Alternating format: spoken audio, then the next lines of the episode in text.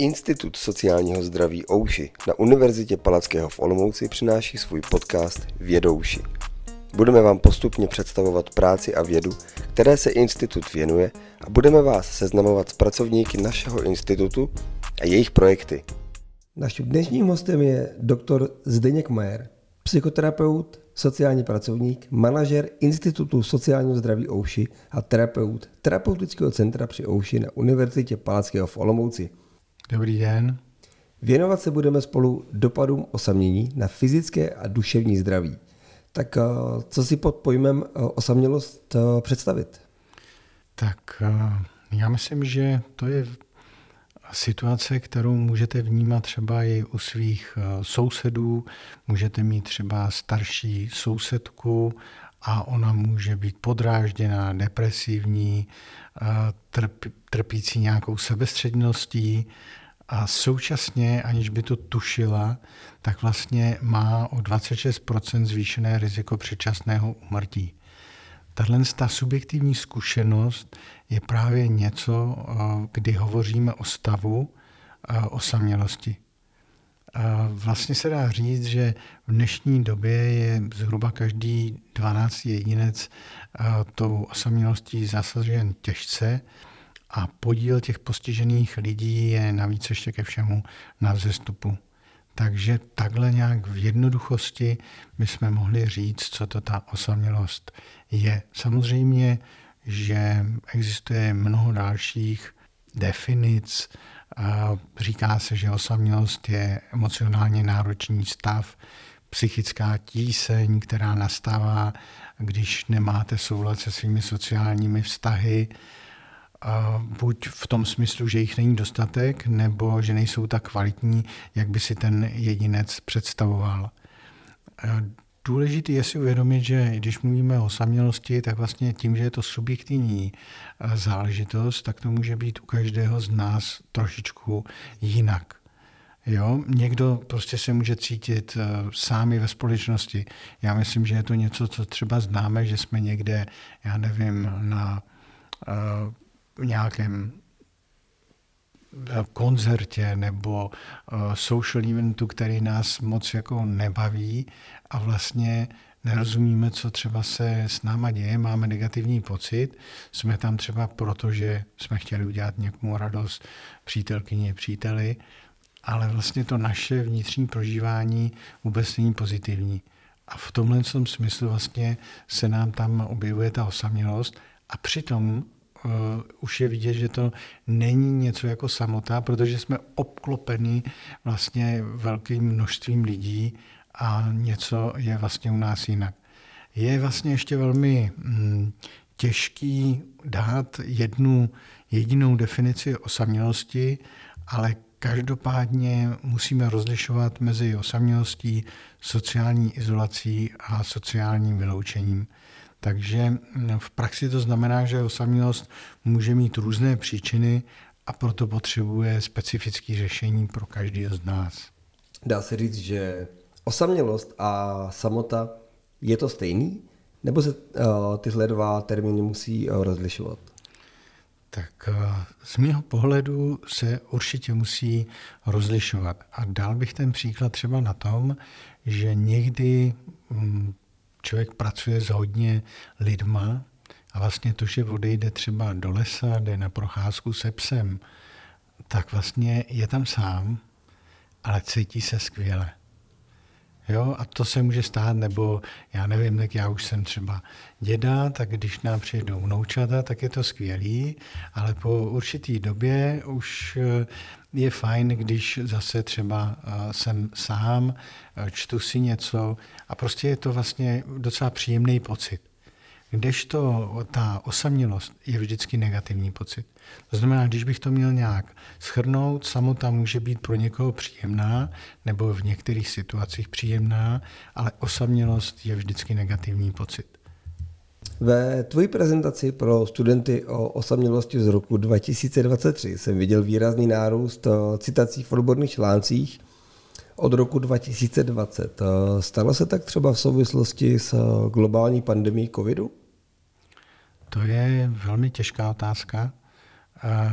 v mém oblíbeném podcastu Přebyšte dějiny říkají kolegové, že když člověk řekne, že to je velmi dobrá otázka, tak neví, jak na ní odpovědět. Takže to je stejná situace je, je to tak, že rozhodně byla ta pandemie COVID-19 významným mezníkem pro ty výzkumné osamělosti, protože to, co se tedy stalo, vlastně eh, jsme předtím nezažili, takže ta situace byla určitě ze všech možných pohledů velmi výjimečná. Eh, dá se říct, že některé metaanalýzy potvrzují nárůst osamělosti v tomto období, ale ne zas tak dramatický, jako to zmiňovala média. A je důležité si taky uvědomit, že v těch studiích byla velká heterogenita v rámci Evropy. To znamená, vlastně v každý to místo v Evropě nebo i dál ve světě mělo trošku jinou prevalenci té osamělosti. Tak vlastně něco takového se dělo.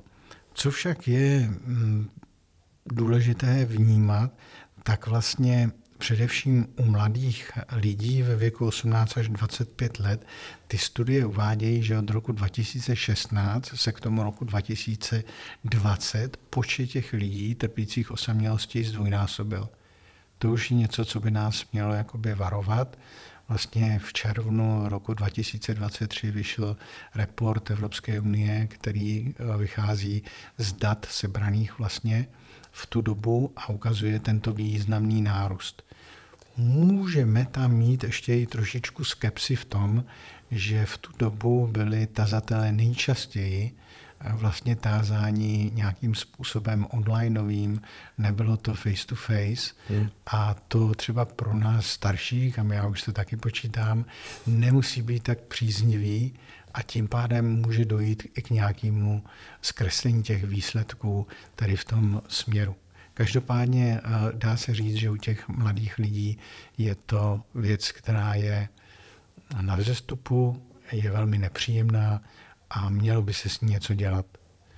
Důležitý asi taky je, že hm, proč se tak dělo, na to jsou různý názory. Takže vlastně jeden z takových, co třeba mně se, mně se zdá docela relevantní, je, že eh, starší populace většinou už má jako kvalitativně jiný ty vztahy, protože už žijem dlouho, tak já nevím, tak mám třeba spolužáky ze škol, z práce, eh, z kolegy a tak dále, když to ten mladý člověk se ještě hledá, takže má třeba širokou škálu na sociálních sítích a tak dále ale vlastně nejsou možná ty vztahy ještě tak kvalitní. Nedá se to paušalizovat, ale je to takové nějaké vnitřní nastavení, který vychází z nějakých výzkumů. A myslím si, že to tak může být. A jednoznačně došlo samozřejmě k zavření eh, všech možných eh, objektů a příležitostí, kde se ty mladí lidi setkávali, ať jde o diskotéku, sportovní zařízení a tak dále. To vlastně všechno skončilo takže v tu chvíli eh, se vám zpřetrhal ten, ta, ta možnost vlastně být s tím kamarádem a takovou ránu do vazby řekl, že bylo o tom třeba uzavření vlastně v rámci těch okresů, tak když jste měl kamaráda v jiném okrese, tak to znamenalo, že vůbec už nemáte šanci se s ním vidět. Takže to, to bych tak cítil jako uh, velmi pravděpodobný že, že se tohle z toho odehrávalo. Mohly třeba výsledky eh, těch průzkumů eh, ovlivnit buď úmrtí, a, a nebo ty lockdowny? Tak eh, lockdowny určitě ano. To je to, o čem jsem hovořil, že vlastně se zabránilo určitému kontaktu lidí a to zcela jednoznačně vlastně má nějaký vliv na tu osamělost. Jo, když jsme mluvili o té sociální izolaci, tak samozřejmě sociální izolace eh, může víc k té osamělosti. Ta, ta korelace tam jednoznačně je. Co se týká těch úmrtí, eh, z různých studií vychází, že samozřejmě, eh, když nám odejde blízký člověk, tak to má dopad na to, že se cítíme osaměle ale v tomhle případě bych řekl, že úplně primárně se objevují vlastně nějaký traumata, vyrovnání se se ztrátou eh, toho blízkého člověka a to samozřejmě souvisí s osamělostí, ale ta primární příčina je velmi zřejmá. Jo, to, to prostě byla situace, která je mezní, není jednoduchá a určitě uh, se tam objevovala deprese a další a vlastně duševní onemocnění a ty zcela jistě korelují s osamělostí. A jak třeba ovlivňuje uh, osamělost fyzické a duševní zdraví, nebo jak se to vůbec uh, projevuje u lidí? Hmm. Tak ta osamělost vlastně má širokou škálu dopadů na to zdraví.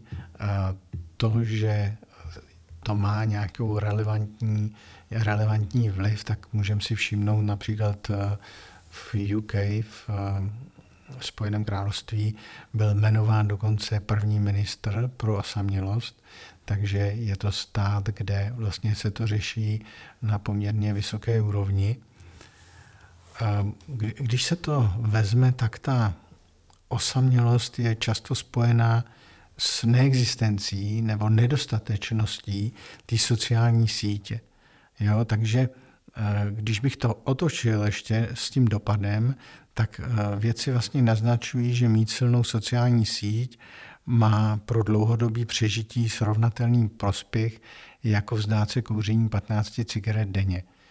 Tím nechci říct, že když budete mít silnou sociální síť, že můžete kouřit 15 cigaret denně.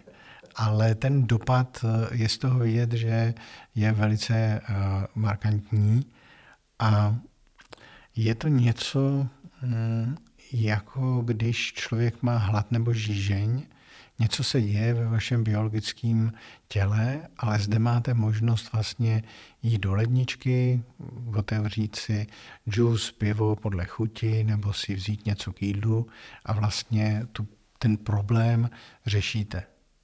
U té u u osamělosti eh, je to poněkud horší a i když se člověk cítí osamocen a v tom našem těle se objevují nějaký signály varovný, tak eh, ledničku přátel nemáme většinou. Možná eh, někdo ano, ale, ale to je velmi duševně nemocný člověk a tím pádem tohle to řešit je dost obtížný. Jo, není to vlastně tak jednoduchý. A ty varovní signály se nám tam objeví a vlastně nás to vede eh, většinou k touze po nějakém setkání nebo eh, to chceme nějak řešit, ale když se vrátím k tomu, co jsem říkal na začátku, to znamená, že symptomem je třeba podrážděnost, deprese a sebestřednost, tak to nejde moc spolu dohromady. Vlastně v tu chvíli se velmi těžko vyhledávají nějaký eh, lidi, s kterými můžete strávit příjemný čas a nějak tu situaci řešit protože to asi známe všichni, když někdo podrážděný, eh, sebestředný, eh, ještě depresivní, tak to není zrovna parťák eh, na, na večer. Takže vlastně je to takový trošičku jako začarovaný kruh, ale dá se říct, že máme nastavený nějaký tykadla, který vlastně k tomuhle směřují. Když vidíme třeba dítě, který brečí, tak u většiny populace to vyvolá nějaký soucit, eh, zeptáme se, jestli něco nepotřebuje a tak dále. Jo, tak, takže vlastně, když se to k tomu vrátí, tak ta touha po setkání je tam velmi důležitá a to, co je puštěno na nějaké té nevědomé úrovni, tak vlastně je jednoznačně zdraví.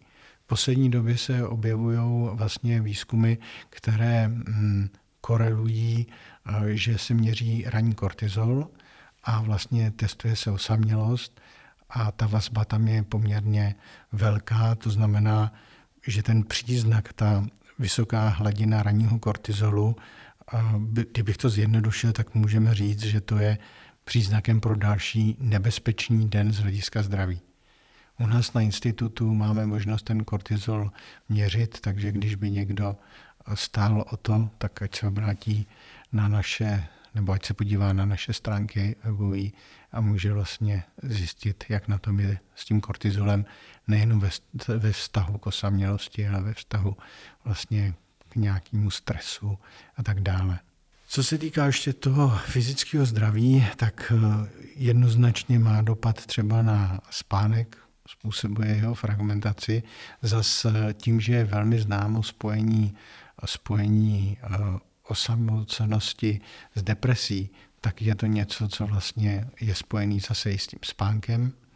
A co se týká fyzického zdraví, tak jsou výzkumy, které vlastně eh, prokázaly souvislosti s mozkovou mrtvicí i s chemickou chorobou srdeční, eh, různým zdravotně rizikovým chováním, eh, s obezitou, také jsou proskoumány souvislost s pády starších dospělých, to znamená člověk, který vlastně trpí osamělostí, tak může častěji padat, což u starších lidí může zapříčinit další návazné fyzické trápení nebo zlomení krčku a tak dále a tak dále. Takže to, to je to, co se týká toho fyzického, tak eh, to je velmi eh, důležitý na to hledět. U toho mentálního zdraví tam vlastně eh, souvislost mezi osaměním a mentálním zdravím je známa jak u dospělých, tak vlastně u dětí a největší propojenost proskoumaná je tam samozřejmě s tou depresí, o čem už jsem několikrát hovořil, ale potom jsou tam ještě výzkumy týkajících se například eh, vlivu osamění na psychózu, schizofrenii, bipolární poruchu, takže ten dopad tam je. Tak eh, asi takhle teda k těm onemocněním. No a teď eh, další těžká otázka. Týká se pouze určitý skupiny obyvatel, nebo může osamělost ovlivnit kohokoliv? Myslím, že jsem říkal už v úvodu, eh, že může ovlivnit vlastně kohokoliv, běžného jedince ve společnosti. Jsou různé výzkumy, které hovoří o tom, jak je eh, osamělost v té společnosti distribuována. A někdy se hovoří o takzvaných úkřivkách, to znamená, že je ten výskyt nejvyšší v té uh, mladé dospělosti nebo adolescenci a potom ve stáří. Jinde zase, že to nemá vliv. Takže je to tak jakoby různé, ale uh, pro nás třeba, pro takovou jako nějakou rychlou diagnozu, když byste si nedělal, já nevím, test, tak vlastně to zvýšení depresivních symbolů už eh, bychom mohli vnímat jako zvláštní účinek, který snižuje pravděpodobnost eh, toho sociálního kontaktu, ale zároveň vlastně může sloužit eh, jako určitý signál pro ty ostatní lidi, aby se s váma spojili. Je to, jak jsem to říkal třeba u toho dítěte, tak i dospělý člověk vlastně, když pláče, tak většinou ty ostatní lidi se aspoň zeptají, co se děje, můžeme ti nějak pomoct a tak dále. Tak vlastně jedna, jedna z těch věcí by mohla zcela jistě souviset s osamělostí. Když třeba někdo cítí, že se u něho symptomy uh, nějakým způsobem projevují, tak uh, jak třeba tomu uh, předcházet? Nebo dá se to vůbec nějak tomu předcházet? Tak určitě se dá. Jak jsem říkal, když eh, má člověk dobrý vlastně to sociální zázemí, tak eh, zcela jistě tím tomu může předcházet. Je však důležitý ještě se trošičku podívat na to, jaký typ osamělosti by to mohly být. Jo, když bude mít třeba emoční osamělost, tak to znamená, že postrádám nějaký hluboký emocionální kontakt s jinými. Takže vlastně eh, mohlo by se jednat o pocit neexistujícího hlubokého vztahu s rodinou nebo blízkými přáteli. Eh, mohl by to být pocit nedostatku citové podpory, náklonosti, intimity, eh, romantický vztah se třeba rozpadl, takže hm, tady v tom, já nevím, co může člověk dělat, ale hledat vlastně si buď nového partnera a, a nějakým způsobem to vlastně řešit. Pak může být vlastně třeba sociální osamělost a to je, když vlastně ani ty sociální kontakty nemám. Nejenom, že nemám nějaký emocionální blízký, blízký kontakt, ale jsem spíš izolovaný od společnosti. Jo? Nemám třeba interakci s kolegy, přáteli nebo společenskými skupinami a tím mi chybí vlastně to vztahové zajištění té sítě kontaktů, včetně té sociální integrace a sounáležitosti. Ono to spolu hodně souvisí, protože když máte vlastně, necítíte tu sociální osamělost, tak vlastně uh, máte šanci najít někoho, kdo je vám ještě blížší. Jo? Ale když vlastně nemám ani to portfolio těch lidí, tak je asi velmi těžký hledat někoho, kdo je vám emocionálně blízký. Je, nevím, jestli je to takhle srozumitelný. A pak je vlastně ještě třeba existenciální osamělost a to je mm, hluboký pocit izolace, který souvisí s otázkami smyslu života, smrti, existence.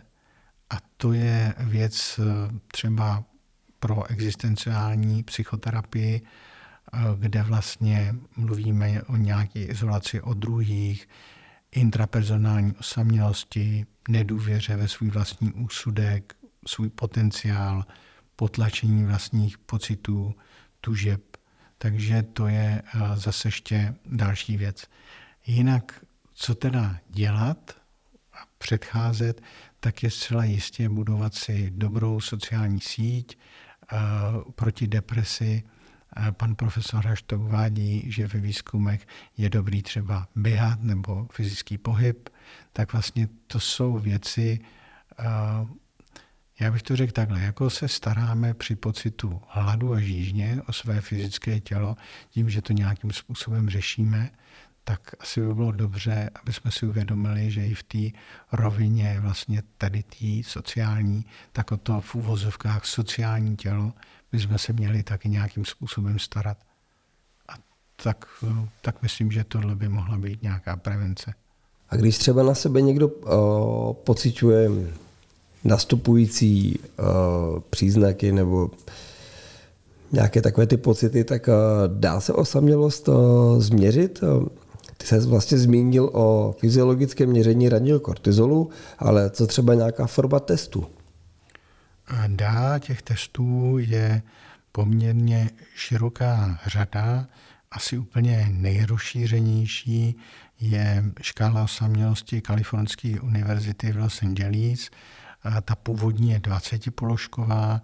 My tady třeba na institutu vlastně ověřujeme českou verzi takzvané TIL škály, TILsky zkráceně, která vlastně byla vyvinutá pro třeba telefonický eh, zjišťování osamělosti, je jenom čtyřpoložková a mě zaujala hlavně z toho pohledu vlastně eh, sociální práce, protože by to mohla být taková velmi krátká, krátký test na to, jestli ty lidi jsou nebo nejsou, cítí se nebo necítí osaměle a mohla by se vlastně už připravovat intervence a je to něco velmi jednoduchého, co se dá opravdu dělat online, telefonem, takže to se mi velmi líbilo, proto jsem na tom začal pracovat.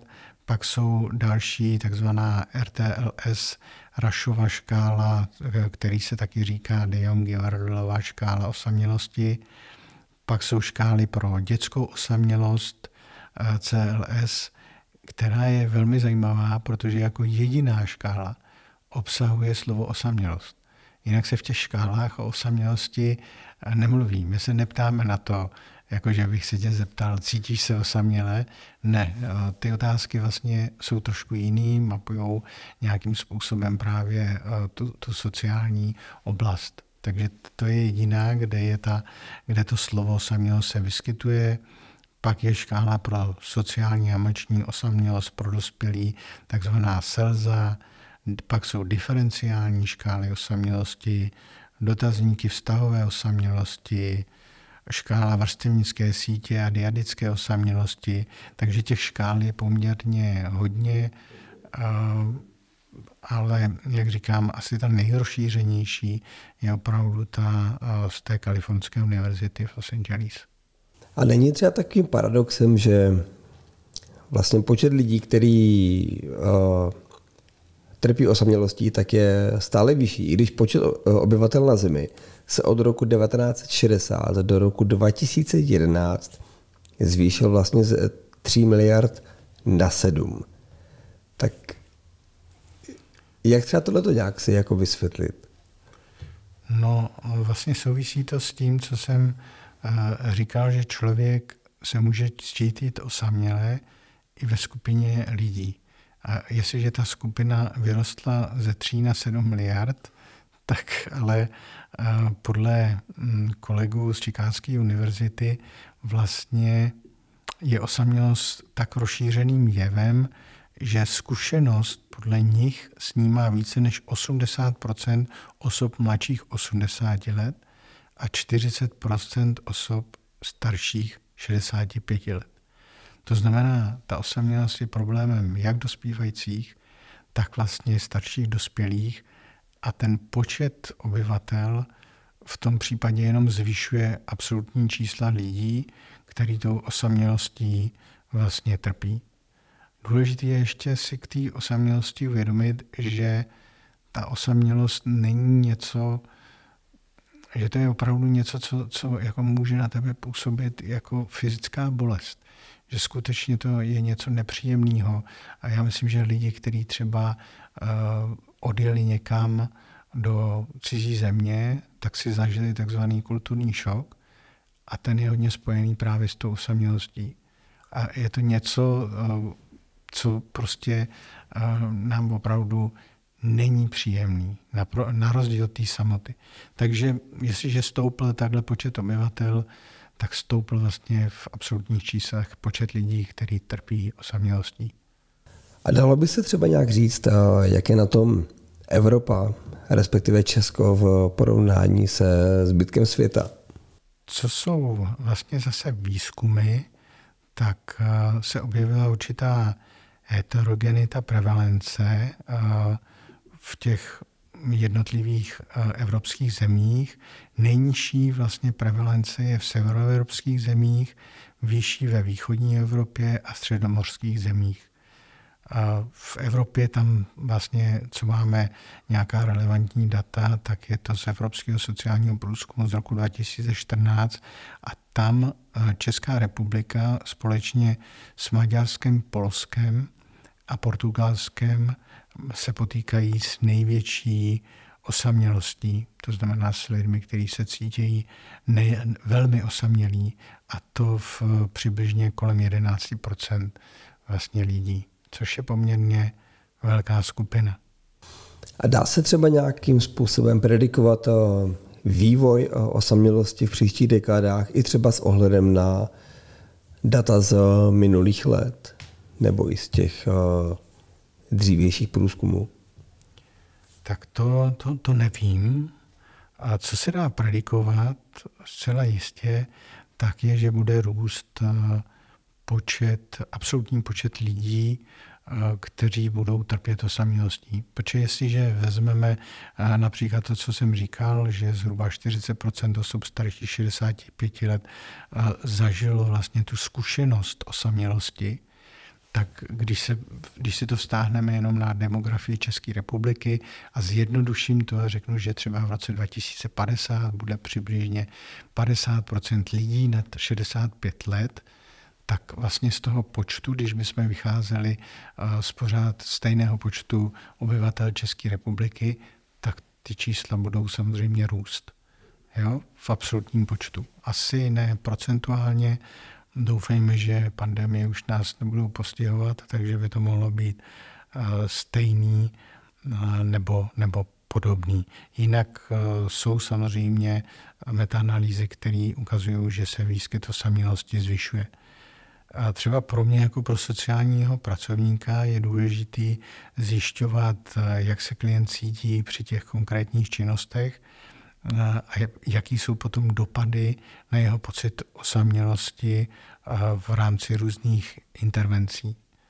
Takže určitě sociální práce ve smyslu vlastně i tady té osamělosti bude potřeba vlastně, aby jsme měli víc sociálních pracovníků. Já se teď musím usmívat, protože vím, co se děje v naší republice, takže nebude to asi jednoduchý. Ale jak jsem říkal, v, v dobrém slova smyslu pro každého z nás by bylo fajn, aby měl naplněnou tu svoji spižírnu v uvozovkách těma svýma přáteli a, a to si myslím, že bude, že bude dobrý. A, takže co nám určitě nepomůže, tak je mít jenom sociální síť, protože jako lidi potřebujeme mít dotek, potřebujeme mít blízkost a často možná nezáleží ani tak na kvantitě, ale na kvalitě.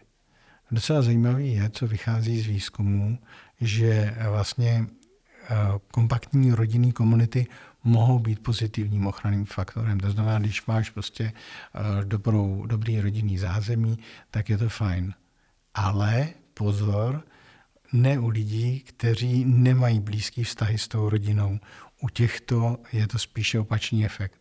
Takže vlastně hodně to vychází od nás, hodně to vychází, jak spolu v té společnosti vycházíme, a jak jsme usazení a to všechno má dopad na osamělost.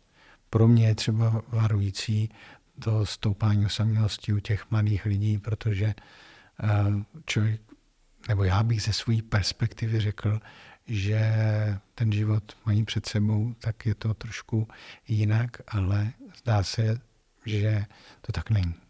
I třeba v souvislosti s um, tím stoupajícím počtem u mladších lidí, nebo i s těmi uh, výsledky průzkumu nebo nějakou predikcí, tak třeba existuje nějaká globální nebo evropská iniciativa nebo společnost, která se zabývá řešením uh, osamělosti?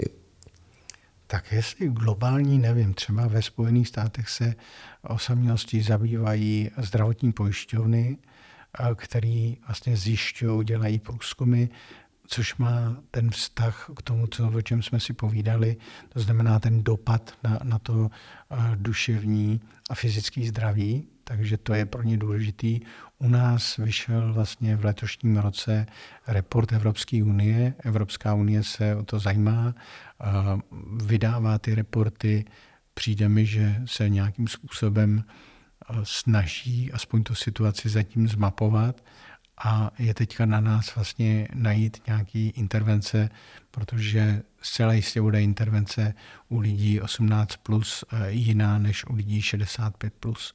Jo, určitě tam budou některé prvky stejný, třeba odstranit nějaký maladaptivní chování, ale eh, bude to trošku rozdílný, což si myslím, že hm, asi znáš, když se člověk povídá, já nevím, s rodiči nebo, nebo příbuznými vyššího věku, anebo když se člověk baví s někým, komu je 18, no možná u tebe z vrstevníků víš, ne, 18 plus minus, tak je to prostě úplně jiný. Asi co si myslím, že je důležitý, a to je takový africký přísloví, který vlastně říká, if you want to go fast, go alone, if you want to go far, go together. A to si myslím, že je něco, na čem bychom se měli vždycky zamyslet. A když si ještě, si můžu nakonec, tak jsem četl velmi hezkou knížku. Všechno, co jsem se naučil, jsem se naučil v mateřské školce, nebo nějak takhle byl ten název. A tam byla jedna z důležitých věd, vlastně, než přejdeš silnici, někoho se chytni za ruku. Myslím, že to platí i v tom životě. Někoho se chytíme za ruku a možná, že když těch rukou propůjíme hodně, tak eh, tu osamělost ani nezažijeme. Když se teda někdo bude chtít dostat dál ve společnosti někoho a bude na sobě cítit uh, nějaký symptomy nebo že se nebude cítit dobře, tak uh, co bys mu třeba jako doporučil uh, ohledně osamělosti? Já bych mu doporučil, aby vlastně se k té osamělosti ani nepropracoval. A to je, já jsem ze staré školy, takže bych mu doporučil to, že když jdu třeba do restaurace, tak eh, ten mobil strčím do kapsy a užiju si ty lidi, který v tu chvíli mám, můžu je navnímat, jsem s nima blízko A vůbec to neznamená, že bych neodpovídal pak těm lidem na ty zprávy, nebo bych nebyl v té sociální bublině eh, na, na síti, ale vlastně bych si užil ty lidi tady a teď. A to si myslím, že má nějaký dopad pro nás, je to pro nás strašně důležitý a asi to je nejvíc, co může být. Prostě být s těmi lidmi. Myslím si, že eh, každý starší člověk už má zkušenost, když má starší rodiče, když tím přijede, jak prostě jsou rádi, jak eh, mluví jeden přes druhýho, prostě nějakou tu interakci potřebujeme a to může být právě tou prevencí proti, proti té osamělosti. A zase říkám, není to jako generální návod, protože můžou být lidi, kteří to tak nemají. Budou spokojení v něčem úplně jiným. A to je právě ta krása a pestrost života.